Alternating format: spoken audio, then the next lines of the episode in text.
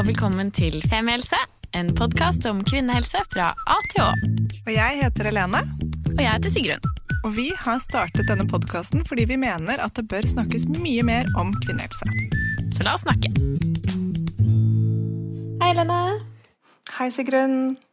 Oi, nå hadde jeg telefonen langt unna. Veldig uprofesjonelt. Ja, det er fort gjort. Ja. Hvordan går det med deg? Det går bra. Jeg er eh, Ja, jeg har det bra.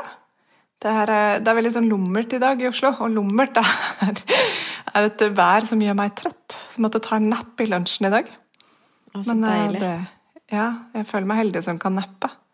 Det er det beste jeg vet, er å ta en sånn ettermiddagslur. Føler meg som et Altså, nytt, nytt, blitt menneske etterpå. Jeg kjente så sykt på det på søndag, for da var det jo et øsende pøsende grått og tungt vær i Oslo. Og jeg tror det er den første sånn skikkelig tunge regnværsdagen etter at vi fikk en eh, stor, eh, aktiv baby. Hvor alt jeg ville, var å legge meg under et pledd og se på Kompani Lauritzen og eh, bare være lat og kose med Jonny hele dagen. Og så kan man ikke det! Og det var en sånn Ja. Det er en ny hverdag. Men det ble en deilig dag eh, uansett. Jeg, Jonny skulle jobbe, så jeg tok henne med meg ut på en trilletur i regnet. Fordi dagen før så hadde vi middag med to venner som fortalte at det hadde kommet et nytt fransk konditori på Bislett. Har jeg hørt Som om. det, Jeg lurer på om det heter Mendels, hvis jeg ikke tar helt feil. Mm. Um, og som var altså bare de lekreste små kakerier. Og jeg var der til og med litt sent, så det var litt utplukket, men det var altså, du vet sånn Det er så petit, og det er så nydelig, og det er friske bær, og alt er glasert, og det var altså en liten himmel å komme inn fra liksom, det øsende pøsse regnværet liksom rista av seg. eh, og plukket med meg tre små kaker. En som jeg ikke leverte på døren til en som jeg vet at satte pris på det. Og så tok jeg med meg to hjem. Og det var eh, Det anbefales hvis man bor i området. Jeg gleder meg veldig til vi kan gjøre det i sommer. Gå innom der og kjøpe oss en liten bærkake og sette oss i Stensbergparken, som er naboen. Og Yes. Jeg er 100% med på det. Og kanskje en liten flaske med noe god petnat eller noe til. Oi, oi, oi. Ja. Helt klart. Det var en litt sånn deilig introduksjon til det vi skal prate om, for jeg har faktisk gruet meg litt i dag. Det er veldig sjelden at jeg gruer meg til å spille inn episoder. Jeg gruer meg ikke, for jeg har lyst til å spille inn episoden. Men jeg følte liksom Vi skal jo spille inn en episode nå om uventet barnedød, og det er jo et heftig tema. Eh, som, men jeg, som, Sigrid, som vi alltid sier, at selv om ting er vonde å snakke om, eller vanskelig eller ekle eller tabu, så må vi jo snakke om det. Eh, Ja, og for min del jeg er veldig glad for at vi skal spille inn den episoden. På mange måter har jeg ikke gruet meg, fordi eh, for noen uker siden så slapp jo en episode eh, med Linn, som fortalte historien om da hun mistet eh, sønnen sin Theodor i uke 20, og alt det fulgte med seg, som var en utrolig sterk historie, som ja, du finner i Femihjelsebiblioteket. Og da, da ble jeg så glad for å høre at det fantes eh, at det fantes hjelp, da. Eh, og da blant annet så løftet hun fram da Lub, som vi skal snakke med i dag. Og det, det gjør meg litt varm om hjertet. ja, det er jeg enig i. Så da eh, er det kanskje passende å introdusere Trine, som er med oss i dag. Velkommen til oss, Trine Giving Karlstad.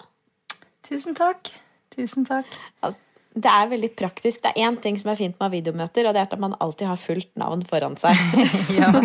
For en som er liksom Jeg er helt umulig på alt som er eh, Altså navn, stedsnavn eh, på ting. Kan ingen, så det er, eh, det er en liten blessing. Eh, Trine, kan ikke du begynne med å kanskje introdusere deg selv litt? Fortelle hvem du er, hva du jobber med, og kanskje litt eh, hvordan du endte opp med det? Ja. Ja, jeg eh, har faktisk jobbet i Landsforeningen uventet barnedød i LUB i 20 år.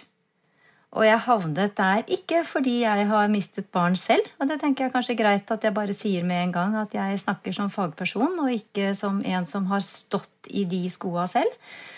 Men jeg kom inn der og skulle ha et vikariat for 20 år siden. Rett etter at jeg hadde født mitt første barn.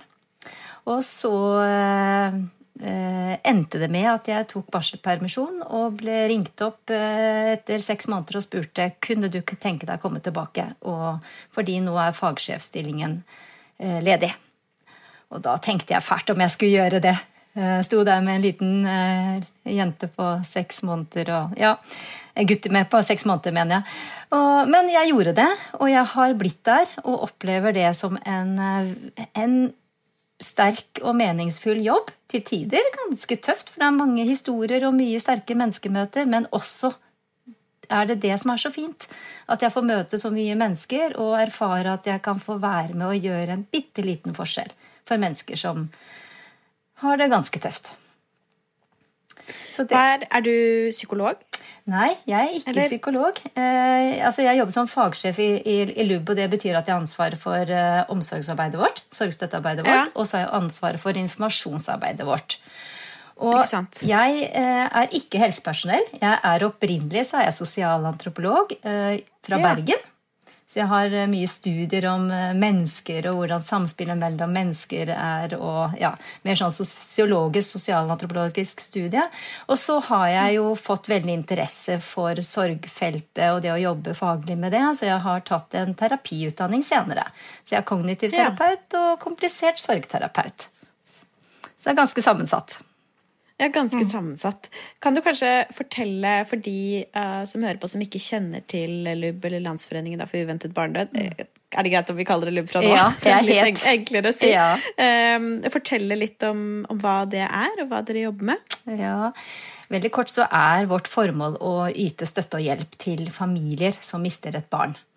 Og For oss så er et hovedfokus de som mister eh, i dødfødsel, altså fra uke 22 eller eh, over 500 gram fødselsvekt, og opp til ca. 3-4 år. Det er på en måte kjerneområdet vårt. Men så er det sånn at vi, de som ringer til oss, de får, de får hjelp. De får samtaler. Så, men dette er et hovedfokusområde, og det er også fordi at vi jobber mye med forskning og forebygging. Og da er det jo viktig å ha et felt man definerer sin forskning og forebygging innenfor. Og det er da dødfødsler og krybbedød i hovedsak, som er vårt uh, hovedfokusområde. Og det har vi gjort i, siden uh, foreningen ble startet i 1985. Mm. 1985, Så deilig å høre at den har funtes så lenge. Mm. Uh, selv om det sikkert var på høy tid for de som ja. Da den kom, da. Ja. Mm. Men ja, det er kjempefint. Det var jo nettopp fordi den gangen var det en krybbedødsepidemi. Det døde ja. 140-150 barn på ett år i toppåret 1989. Da søkte krybbedødsforeldre sammen. De trengte å møte hverandre og støtte hverandre, og de trengte én ting til. De ønsket å samle inn penger til forskning, slik at vi kunne starte forebygging av krybbedød for å hindre at andre skulle komme i samme situasjon. Så det var drivkraften den gang. Mm. Jeg jo født i 1985, så jeg husker jo da jeg var liten, at det var, snakk, det var mye mer snakk om krybbedød da. Det var, det var liksom en sånn en mye altså, Jeg vet at alle nybakte foreldre er redd for det nå også. Og det er jo fordi vi har vokst opp nettopp med den frykten fra den tiden hvor det var på toppen. Men uh, jeg husker det var liksom en sånn reell fare og en reell redsel som var annerledes da hva skal jeg si, mødren, altså moren min og hennes venninner gikk gjennom på en måte det å få et eh, Eller fikk baby, da, på den tiden. Um, mm. Ja. Og, Men da du ble født, ja. Helene, skulle man fortsatt ligge på magen da? Ja, ja. Gjerne du, mens du røyka. Ja, mens folk røyka på deg, og du røyka selv. Så det var litt andre tider da i forhold til alt mulig med Jeg, tror ikke, jeg vet ikke, jeg tror kanskje mamma Jeg må spørre henne, men jeg tror faktisk at hun hadde fått med seg den at man skulle ikke ligge på magen. da.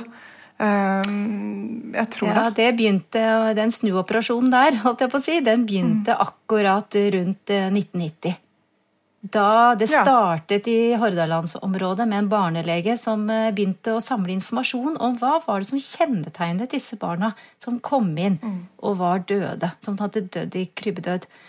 For han hadde hørt rykter om at i Australia så hadde de begynt å, å samle informasjon om dette, og fant at de sov på magen. Det var en fellesnevner. Så begynte han å kartlegge, også her i Norge, på slutten av 80-tallet. Og så finner han ut det samme, og fra 1989 så gikk han faktisk ut og sa alle barn, nyfødte, i Hordaland-området, de skal legges på rygg. Og det var ganske vågalt, for det var ikke Mange vil hevde at det ikke var god nok eh, vitenskapelig dokumentasjon for å starte den snuoperasjonen akkurat da, mens man så den trenden i flere andre land. Men da ser vi altså fra 1990 til 1991 så halverte krybbedødstallene seg. Det er helt, wow. Du får nesten frysninger når du sier det. Det er helt vanvittig. Ja, jeg får frysninger, jeg. Ja. Men jeg tenker jo også sånn, man hadde jo kanskje ikke så mye å tape ved å prøve å legge det liksom fra mage til rygg eh, når tallene var så høye som de var. Ja. Ja. Jeg husker den der, Men, Det ble laget sånne babybodyer hvor det sto 'denne siden opp' på magen. Riktig. og den, mm. Ja, og den er det jo Lubb som har stått bak. Og når den kom i 1999, så førte det til en ny halvering. Da klarte vi å senke tallene i Norge enda mer, for da begynte alle landets sykehus føde- og barselavdelingene å dele ut denne siden opp med denne store, fine sola som sier eh, 'denne siden opp når jeg sover'. Som nok minnet nybakte foreldre og helsepersonell på at barnet skal legges på rygg for å sove fra dag én. Så da så vi at en ny halvering skjedde. Men hva er grunnen til at det er så viktig å ligge på ryggen? Det som er eh, Det vi antar er det farlige med, med mageleie, det er eh, Vi vet jo ennå ikke helt sikkert, fordi krybbedød er jo en diagnose du får hvis du ikke finner noe årsak. Ikke sant? Så da er det vi kan ikke forklare det. Men det vi, kan, eh, det vi, antar med mageleie, er at når barnet sover på magen, så sover barnet ofte lengre og tyngre. Og et spedbarn skal ikke Vi skal ikke ha et mål om at spedbarn skal sove åtte timer i strekk i dyp søvn. ikke sant? Og de kan bli fortere varme. Fordi at de, når de sover på magen, så sover de med halvparten av ansiktet ned i madrassen. Eh, og da er det mindre plass for å kvitte seg med overskuddsvarme. For eh, veldig stor andel av overskuddsvarmen hos, eh, de, de, hos spedbarna den kvitter de seg med gjennom hodet. Hvis de i tillegg da har en liten søt lue på seg, så blir det fort for varmt. Og overoppheting er sammen med røyking og mageleie det som er eh, de viktigste risikofaktorene som vi skal unngå. Forsto du, du, det? Hang det sammen? Ja. ja. Ble du litt engstelig, kanskje, du som har en liten en hjemme? Hun er heldigvis eh, så, blitt så stor at hun fint snur seg selv nå. Men eh, var, eh, da hun kom for ganske nøyaktig et år siden, så var vi veldig redde for at i hvert fall de mm. gangene hun havnet litt på siden mm. eller på magen, i hvert fall litt etter hvert, da, og var liksom paniske på å snu henne ganske lenge. Mm. Mm. Så jeg tror jo det er noe som fortsatt sitter i hos veldig, veldig mange. Ja, og... Men går det an å si noe om cirka hvor mange som opplever, opplever uventet barnedød i Norge i året? Ja, det gjør det. Altså det er eh, ca. 170-80 dødfødsler i Norge. Og så har vi eh, ca. Eh, 100 Altså eh, det er totalt ca. 350 barn, litt under det, som dør før fylte fire år. Totalt sett. Ja. Så det er, det er lave tall i en verdenssammenheng, heldigvis. Det er vi kjempeglade for. Men det er for mange.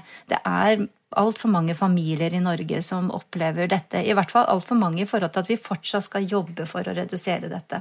Og ikke minst jobbe for at de godt, tas godt i vare, tas godt i vare på når det skjer. Det er fryktelig viktig. Og der er det jo LUB er veldig sentralt og aktivt for å, for å påvirke det. Både det, mm. vi, det helsepersonell og hjelpeapparatet kan gjøre, men også at vi yter sorgstøtte og hjelp og støtte selv. Mm. Mm. Men når du sier at det er nå Uh, sorry, vi, vi, spiller inn over video her, folkens, så vi er liksom vanskelig på noen ganger på å ta, ta hvem som begynner å prate først. Men, men, jeg bare ble litt sånn nysgjerrig på dette med tallet på krybbedød. Uh, ja. Har du det? Ja, ja vi har uh, gjennomsnitt egentlig ca. ti per år de siste ti årene. Eller ja, nei, sju-åtte ca. i gjennomsnitt. Det, er, det, varierer fra år til år. Eh, og de siste tallene vi har på krybbedød nå, f.eks., var at i 2019 så døde det ni barn i krybbedød. Ja, Det er jo heldigvis et veldig, veldig lavt tall. Eh, fordi veldig. fødes det, fødes det ca. 50 000 i året?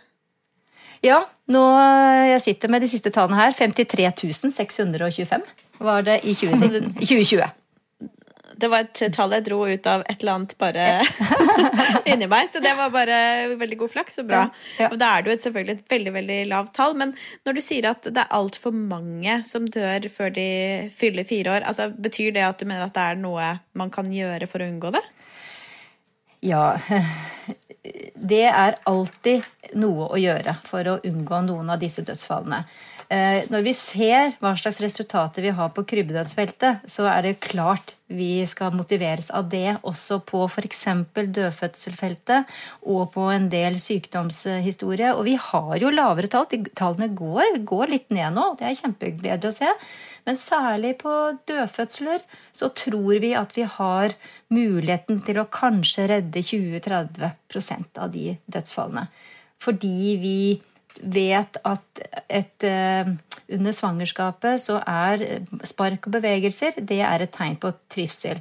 Og det å oppdage fort, eller tidlig nok, uh, at barnet sparker litt mindre eller beveger seg litt for lite, er veksthemmet, og oppdage dette tidlig nok, så kan det være vi kan klare å redde, å redde litt flere.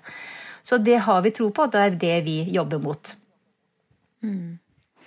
Samtidig som jeg sier, jeg har snakket med noen venninner som er gravide nå, og hvor de selv opplever at dette eh, fokuset på å kjenne etter liv er så stort at det også nesten blir litt sånn angstpreget. Fordi du hele tiden føler at du går og kjenner etter og mm. drikker saft for å få i gang liv, og de sier det til deg på liksom helsestasjonen hos jordmor og hos fastlegen at man blir helt sånn Nå har jeg ikke kjent noe på fem minutter! Altså at, ja. For det er så mye fokus på det. Da. Samtidig så skjønner jeg at det er mye bedre å ha fokus på det enn eh, at det skal gå skikkelig galt. Men eh, du, du, peker på noe viktig, for det er alt, alltid en slagside i forhold til dette med informasjon. ikke sant? Hvor mye informasjon skal du gi? Og, og så er vi forskjellige. Noen blir fortere engstelige og bekymra enn andre. Men, men en, en, god middelvei der, det tror jeg er kjempeviktig. At kvinnen blir Det som er vårt, vårt mål, det er jo at kvinnen blir tryggere i å følge med på sitt barn. Hvis vi når ut med den beskjeden om at du skal stole på din egen magefølelse og ikke sammenligne deg med andre, og følge med at du har registrert liv hver dag, da tror jeg du har gjort et godt stykke arbeid. jeg kan jo se for meg at dere også snakker med Eller har en veldig viktig rolle inn mot kvinner som har mistet et barn, og kanskje i en dødfødsel, for så å bli gravide igjen. Ja, nå datt du litt ut, så jeg tror nesten du må gjenta spørsmålet. Ja, nei, for jeg kan si, si, bare at jeg kan se for meg at dere også har en veldig viktig rolle inn mot kvinner som har, tidligere har mistet et barn, kanskje i dødfødsel, og så blir gravide igjen. Ja. Og da, ja. Oi, det er en heftig berg-og-dal-bane for veldig mange gravide. For når du har erfart at det kan gå galt, enten under svangerskapet på slutten av svangerskapet, eller du har mistet i krybbedød eller en ulykke eller i sykdom, så har du vært på feil side av statistikken. Og du har virkelig kjent på hva det betyr å miste et barn. Og så er det veldig mange som kjenner på at de, de ønsker seg veldig et barn til. Fordi det var det, det var det, som var planen. De skulle ha et barn, de skulle bli familie. De er blitt foreldre, men de har ikke barnet hos seg. Det er vanskelig å være foreldre uten å ha barnet hos seg. Så det er en sterk drivkraft å skulle få et barn til. Ikke som erstatning, men et, nettopp et barn til. Men så er de så redde at det, svangerskapet er veldig, veldig langt. Ni måneder er veldig lenge når du er mye bekymra. Og så strever du ofte litt da med å finne en sånn balanse på at du er i sorg over det barnet du har mista, og samtidig så har du en forventning om et nytt barn. Og ser jo frem til det, men med forbehold. Fordi du planlegger kanskje rett og slett dåp og begravelse parallelt. For du tør ikke helt å tro på at det skal gå. Nei. Jeg skjønner. Eh, men da blir det vel kanskje også ekstra viktig med denne hårfine balansen som du nevnte i stad. Eh, mellom selvfølgelig å passe på, men samtidig klare å, ja, å finne en slags form for glede og ro i det, da. Ja, det er eh, Ja, det er noe med å finne den balansen, og det er ikke så enkelt. Eh, men det kan vi hjelpe litt til med. ikke sant? At eh, jeg tenker at Hvis jordmor eller fastlegen eh, som du går til, er litt obs på dette og er litt på tilbudssida, gir kanskje litt flere kontroller, gir litt mer tid til å snakke om de emosjonelle behovene som dukker opp, alle de problemstillingene som man kommer med. gir litt mer tid til det, og viser og anerkjenner at det er ikke så rart at du har det sånn, og det er ganske vanlig det er de aller fleste som har mistet barn, er fryktelig engstelige under ny graviditet. Sånn er det bare. Og det er greit. Ja. Hva slags um, støtte og hjelp kan du forvente å få i Norge i dag hvis du mister et barn i, den, i, den, eh, i det segmentet du snakker om? Ja, det er et veldig godt spørsmål. Uh, Vi har det, uh, Vi har jo, har jo prosedyrer for hva som skal skje ved en dødfødsel i Norge, og vi har prosedyrer for hva som skal skje når et barn dør plutselig uventet, i krybbedød f.eks. Da skal du legges inn på barneavdelingen, slik at man sikrer en, en akutt ivaretagelse, men også sikres at man skal bli ivaretatt etter at du er ferdig på sykehuset. Men det vi erfarer, det er jo at det er veldig variert hva slags hjelp du får. Det er veldig tilfeldig. eh, Slik at de, de fleste vi prater med, eh, har nok et ønske om å få enda mer hjelp, og at den hjelpen er i større grad tilgjengelig og, og tilgjengelig når du trenger det. For en del merker at de går for lenge, står mye i kø, og at det blir ekstra tungt før de kommer til i hjelpeapparatet. Så jeg skulle ønske jeg kunne si at det var samme som hvis du brekker et bein, så ligger på en måte kontroller, og det ligger en plan for hvordan du skal hele dette bruddet og følges opp og ha kontroller underveis. Og sånn er det ikke ved barnedød. Enda det skaper ganske store sår i kropp og sjel, det også. Men får man f.eks. tilbud om samtaleterapi? Nei, ikke som en eh, automatisk eh, tilbud, Nei. nei. Nei. Nei. Men det er mange som forteller om fantastiske møter med helsepersonell. Altså F.eks. de dødfødslene i Norge. Veldig mange har utrolig flott Midt oppi alt så snakker de om en fin opplevelse og fin ivaretagelse på, på sykehusene. Så jordmødre og barneleger og leger her gjør en fantastisk jobb. Det som er det vanskeligste for mange av disse foreldrene, er hva nå? Når de går ut av sykehuset, hva nå? Hvem skal jeg kontakte? Hva skjer nå? Hvem skal ta initiativet overfor meg for at jeg får noe? Jeg vet ikke hva jeg trenger. Hvor skal jeg gå? Det er det store spørsmålet for veldig mange. Og det er da de ofte ringer til oss og lurer på hva kan dere hjelpe til med, eller hvor kan jeg henvende meg? Så Og får de vite om dere på sykehuset da, eller er det noe man må finne fram til selv? Eh, mange, for nå får jeg snakke ut ifra det jeg hører. ikke sant? Det er det, den Ja. jeg har, og jeg vet at mange sykehus er flinke til å, å fortelle om, om oss. Og noen tilbyr seg å ta kontakt på vegne av familien. Andre gir informasjon om oss og sier at de kan kontakte oss, og det er det mange som, eh, mange som eh, gjør. Og det gjelder også ved krybbedød f.eks. Og andre typer dødsfall, sykdomsdødsfall på nyfødt intensiv. Det er, eh, vi erfarer at det er veldig mange i helsevesenet som vet om oss nå. Så jeg tror mange får vite om oss, men så er det alltid noen som sier at 'jeg har aldri hørt om dere', jeg googlet, og så fant dere. Det var sånn jeg oppdaget dere. Så dette er jo et veldig stort spørsmål som jeg kom med nå, men jeg skrev den ned for jeg tenkte at det var liksom Men hvordan man Hvordan greier man gre, greier man å gå videre med livet etter å ha mistet et barn? Eller hvordan, hvordan gjør man det? Hva ser dere at de du snakker med, eller dere snakker med, får til det? Ja, det er nok det som gjør at denne jobben oppleves som meningsfull også, fordi jeg ser at det er utrolig hvordan mennesker reiser seg igjen. Selv om man mister et barn, som er for mange av oss, så er vel det det verste vi kan tenke oss. Vi som har barn, har kjent på frykten av å miste, kanskje. De som ikke har barn, har også veldig ofte en, en sterk opplevelse av at dette må jo være noe av det verste. Og universelt, eh, hvis vi skal snakke om eh, litt sånn universelle ting, så er det å miste barn regnet som noe av det verste du kan oppleve.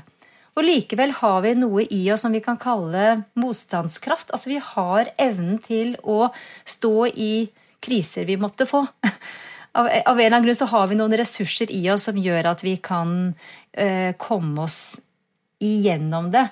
eh, og finne en ny måte å leve et meningsfylt liv på. Men når du snakker om å miste et barn og miste noen i selvmord, som er de to etterlattegruppene som har høyest risiko for å utvikle kompliserte sorgreaksjoner, eller at sorgen blir så vanskelig å bære at det går veldig utover hverdagsfungeringen din, eller utvikler seg til sykdom, så er det veldig mange av disse eh, etterlatte som trenger ekstra hjelp. Og det svarer litt på spørsmålet ditt. Ja, de fleste er helt fantastisk å se hvordan de finner frem til en måte å leve med dette på. Eh, det er ikke et mål når vi snakker om det å sørge og være i en sorgprosess, så er det ikke et mål om å glemme, slik man ble fortalt før.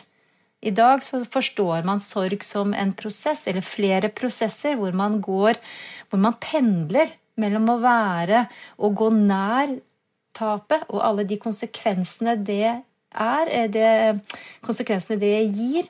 Da går du nær, du ser på bilder, du er på graven. Du på en måte gjør alt som gjør at du kan få kjenne på nærhet til den som er død. Og så pendler du også over til å være i det livet som du samtidig lever. Til å gå fra, distansere deg fra alt det som sorgen eh, bærer med seg, og finne noen sånne glimt av pauser og og andre opplevelser. Du finner nye løsninger på livet ditt. Det er her du må gjøre de hverdagslige tingene. Alt fra å gå i butikken eller passe andre barn eller gå på jobben eller være med på noe sosialt osv. Så, så en sorgprosess handler om å pendle mellom disse to sirklene.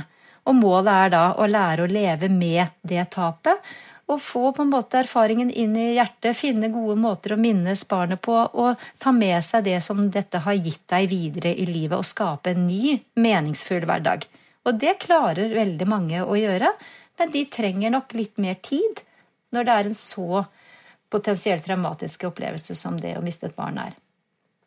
Jeg vet ikke om jeg svarte på spørsmålet ditt, for det er et veldig jo, stort spørsmål. Det, det, er et stort spørsmål, og det er nok veldig individuelt også. Eh, selvfølgelig, Og, og situasjonen veldig. og hvordan man gikk gjennom det. Og, og, det tenker jeg kanskje også Mitt neste spørsmål er om hvordan det påvirker parforhold. Om man, mm. om man ser noe på det, og om det, om det er noen uh, Ja, hvordan, hva som skjer der. Mm. Ja, aller først så vil jeg jo si at det er For meg er det veldig viktig å huske på at sorg er en veldig individuell prosess, som du akkurat sa.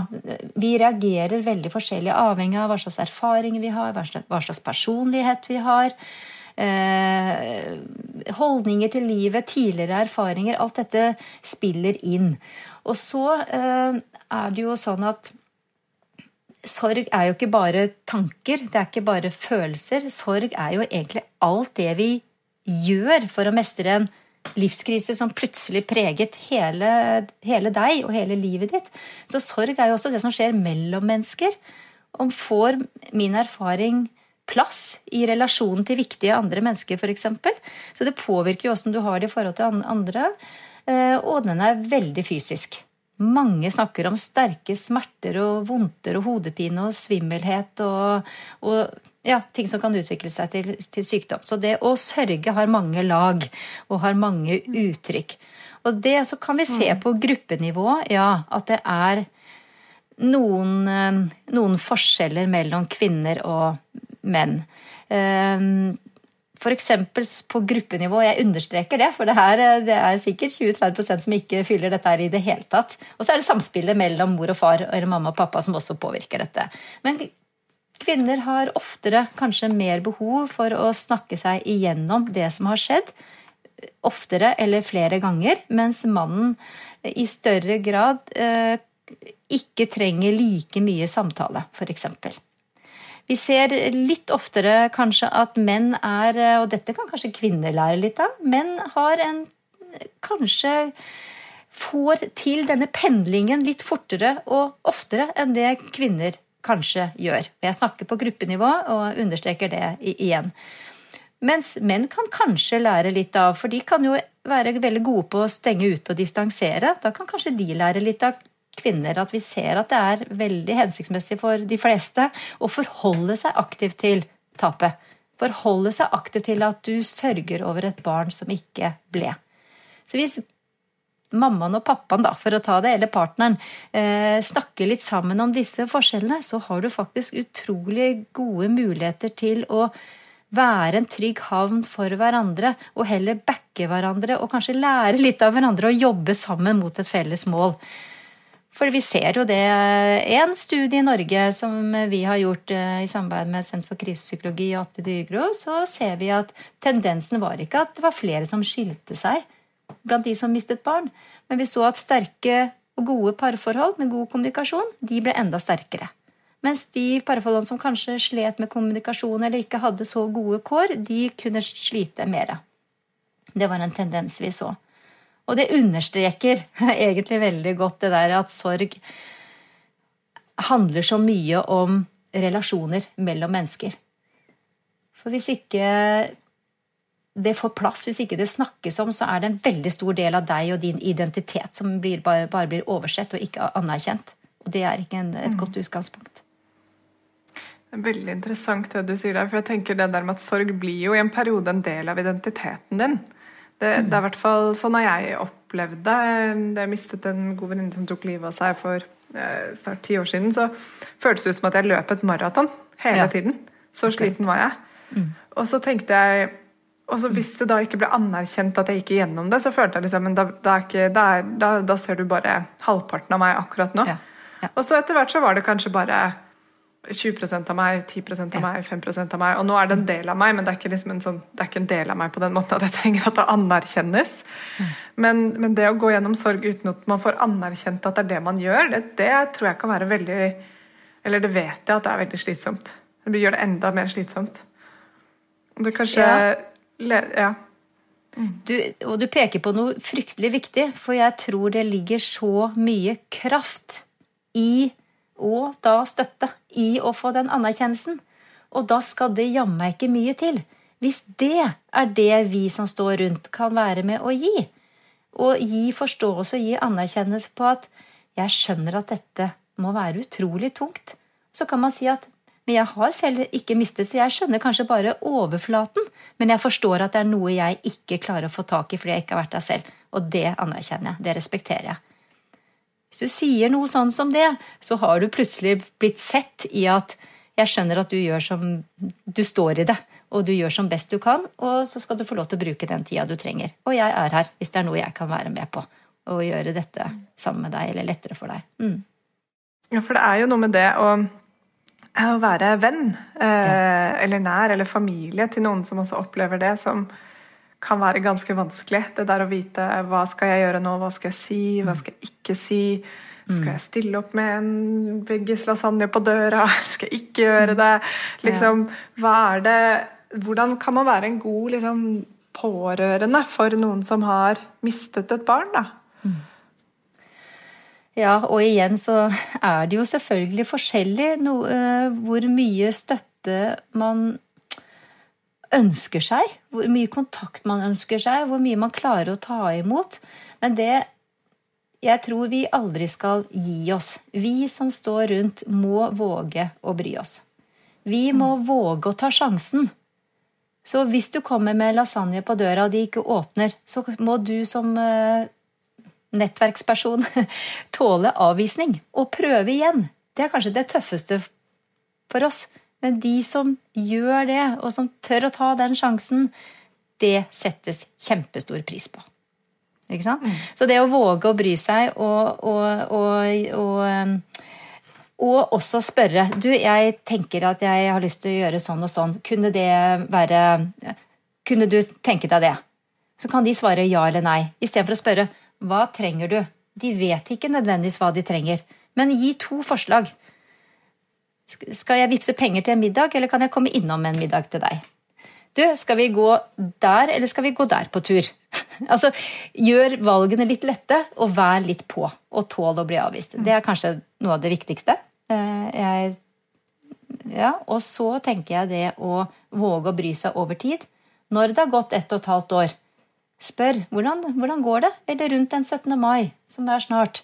Hvordan er det nå, rett før 17. mai? Kanskje det er litt spesielt tøft akkurat nå? Det er jo barnas dag, og åh, det er mange som gruer seg til 17. mai. Og særlig tiden før, de, første, de dagene opp mot merkedager, høytidsdager, de er ofte tøffere enn selve dagen. Da har de brukt så mye krefter på å grue seg, f.eks. Så det å bry seg over tid, og det å vise at du husker på, og til og med bruke barnets navn, det er utrolig Det er nesten som en kjærlighetserklæring. Da kan de kanskje begynne å gråte, men det er fordi de blir glad for at du husker på, og glad for at du viser at du husker. Ikke fordi du har rippet opp i noe som liksom ikke er der. Det er der hele tiden. Det er bare at du ga det, til, ga det til kjenne og viste at jeg husker på.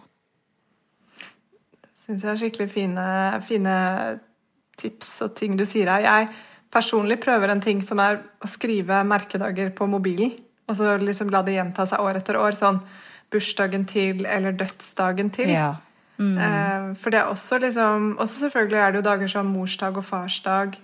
Og alle disse dagene som er, kan være heftige, da. Men, men og jeg, tror, jeg tror veldig på at man ikke ripper opp. Jeg tror man alltid bare eh, blir satt pris på. og jeg har jo mange venner som har opplevd å miste noen, og vi har snakket om det at det, få, det, det er aldri liksom for mye. Det er, aldri den, altså det, er sånn, det, er, det er veldig sjelden at noen har sagt sånn Ja, og hun sendte meg en tekstmelding en gang i uka, og det orker jeg ikke.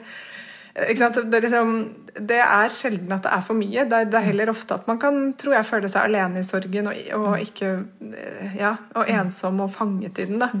Så, Og kanskje redd for å, for å føle at man snakker for mye om det også. Så det at noen andre kanskje tar det opp av og til, kan, kan jeg se for meg at kan være veldig befriende. Og det er, en, det er noe av det fineste vi kan gjøre. Det er å ta det opp fordi du snakket om ensomhet i, i sorgen. Det å vise at du husker på at de er F.eks.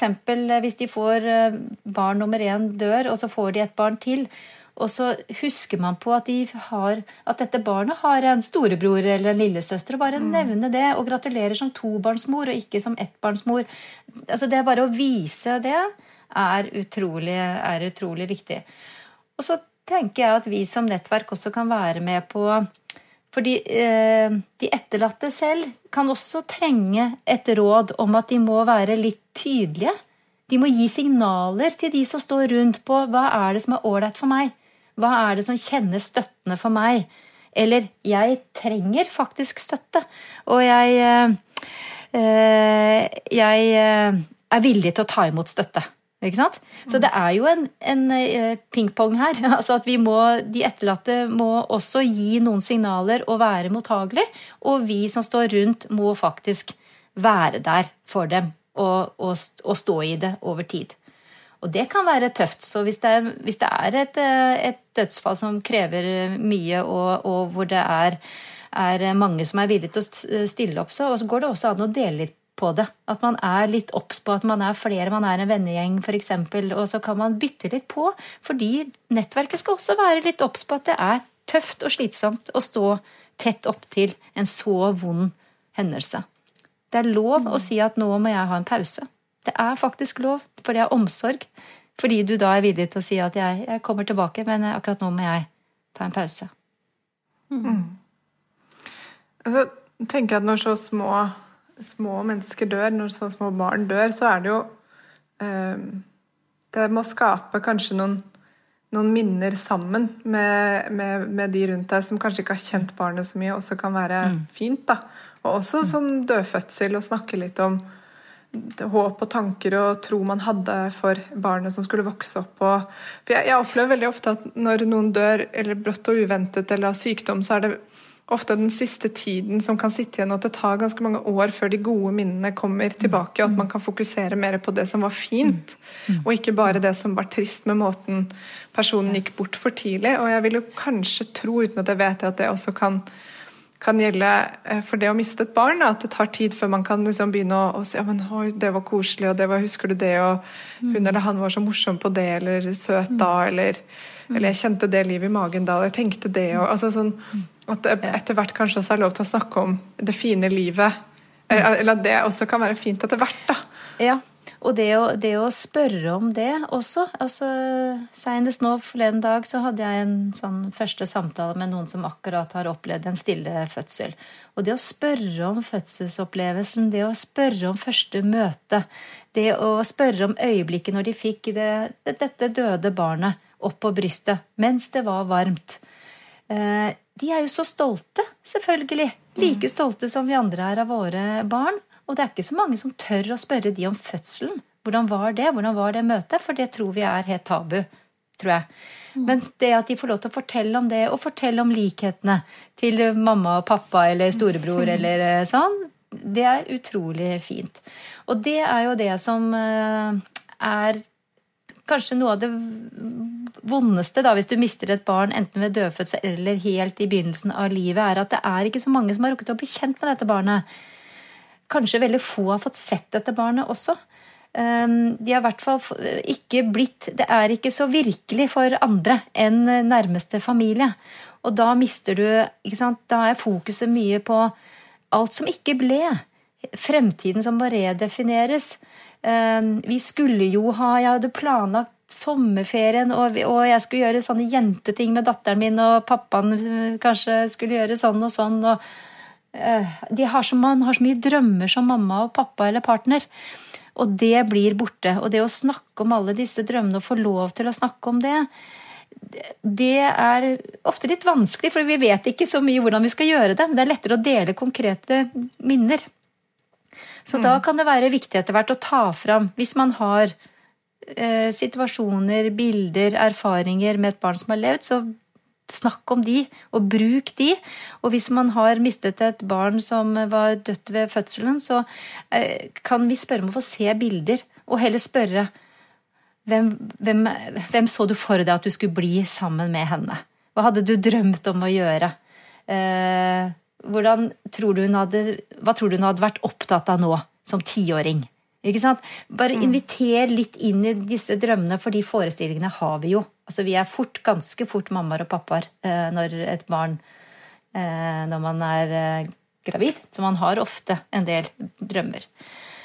Det er derfor vi råder jo folk til å invitere inn viktige eller nære familier og venner, f.eks. hvis et barn fødes dødt, slik at flere har sett at det er en virkelig person. Dette er Jonas. Dette er Thea. Mm. Sånn så hun ut. Jeg har lyst til at dere skal se det. Og bare vite mm. at hun har eksistert for oss. Mm. Mm. Jeg måtte bare puste litt, jeg nå, kjente jeg. Men um, du um, Det er veldig På mange måter fint å høre deg snakke om uh, dette, Trine, og jeg tror um, jeg kjenner meg selv i hvert fall litt tryggere eh, hvis noen rundt meg skulle havne i en sånn situasjon på å ikke være, være så redd for å gjøre noe feil, da. Mm. Eh, ikke være redd for å være nær. Og det er litt godt bare å, å høre noen si det. Um, ja, for det, det, som er det verste vi kan gjøre, det er jo ikke tørre å si noen ting. Det er jo ikke mm. tørre å bry oss. Så hvis vi syns det er vanskelig å finne ord, så si det. Vet du hva, jeg vet ikke hva jeg skal si. Det er veldig fint, det. For det er jo egentlig ikke så mange ord å si. Ikke sant? Og heller vis mm. hvor uh, du forstår noe når du sier det, faktisk. Så det er kjempe, kjempefint. Så tenker jeg en ting til, mm. som dere som står rundt det vi som står rundt, kan gjøre. Det er å hjelpe dem til å ta imot hjelp. F.eks. søke kontakt med andre som har stått i samme, samme situasjon. For det er et behov som ingen andre kan dekke. Det at man kan speile seg i hverandre. Få bekreftelse av andre at dette er helt normalt. Og tro at du har klikka. Det er faktisk helt normalt. Er det noe dere hjelper til med? Å sette i kontakt? Ja. Det er noe av det ja. vi gjør. Det kalles likepersonsstøtte.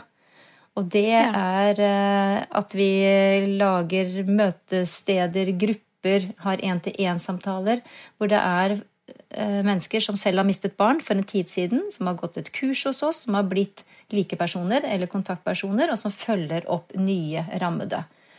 Og Der mm. tror jeg det er eh, helt essensielt både det at de får, de får dele tanker og følelser som de kan kjenne seg igjen i, og så er det et håpsaspekt her.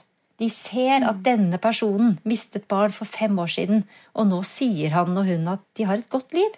Tenk det. Mm de har fått kanskje flere barn, eller de har skifta jobber, eller de har i hvert fall skapt et veldig flott liv. Og det sier de, og det har de troverdighet til å si. På en helt annen måte enn det jeg har. Og det er noe av det viktigste vi gjør. Mm. Ja, det er kjempefint. Men hvordan kan folk komme i kontakt med dere? Er det lub.no? Lub.no. Da hvis du bruker det, så kommer du i kontakt med oss uansett. Enten ved å sende mail eller ring eller Ja. Og så er dere også på Facebook og på Instagram. Det er vi også. Og ja, ja. er generelt sett å finne. Og så skal vi selvfølgelig den, legge denne informasjonen i episodebeskrivelsen. Mm. Um, jeg tenker at vi kanskje skal begynne å runde av. Er det noe mer du har lyst til å si før vi gjør det, Trine? Nei, jeg vil egentlig takke dere for at dere tar opp dette temaet. For eh, som dere innledet kanskje litt med, at det er jo litt sånn på et vis skummelt, men også litt fint. ikke sant? Og det er vel kanskje det sorg er, da. Altså, det er både vonde og så vonde tanker og følelser at det er vanskelig noen ganger å snakke om det. Og så er jo sorg eh, noe fint også. Fordi at sorgen representerer jo Eller vi sørger fordi vi har elsket den som er borte, så sterkt. Så det er noe Sorg er noe fint, men det er veldig smertefullt. Så jeg tror vi må, vi må ta imot sorgen, men så må vi hjelpe hverandre å gjennomleve den. Fine ord å avslutte med. Eh, tusen, tusen takk for at eh, du eh, ville komme på besøk til oss, Trine. Veldig fint å snakke med deg, og ja Deilig å høre alt det kloke du har å si. Takk for jobben dere gjør. Tusen takk. Håper dere som hørte på, også synes det. Um, så snakkes vi igjen neste uke. Det gjør vi. Takk skal du ha, Trine. Tusen takk. Ha det bra. Ha det. Ha det! Tusen takk for at du hørte på podkasten vår. Selv om det forhåpentligvis kommer tydelig frem, så vil vi understreke at vi ikke er helsepersonell. Ja, så som vanlig, kontakt legen din om du har noen spørsmål, eller om du skal begynne på noen form for behandling. Og har du et tema som du har lyst til at vi skal snakke om, eller noe ris eller ros, så send oss gjerne en melding på Facebook eller på Instagram. Der finner du oss under Femihelse. Og du kan gjerne rate oss på iTunes, det er skikkelig hyggelig for oss. Ha en fin dag! Ha en kjempefin dag!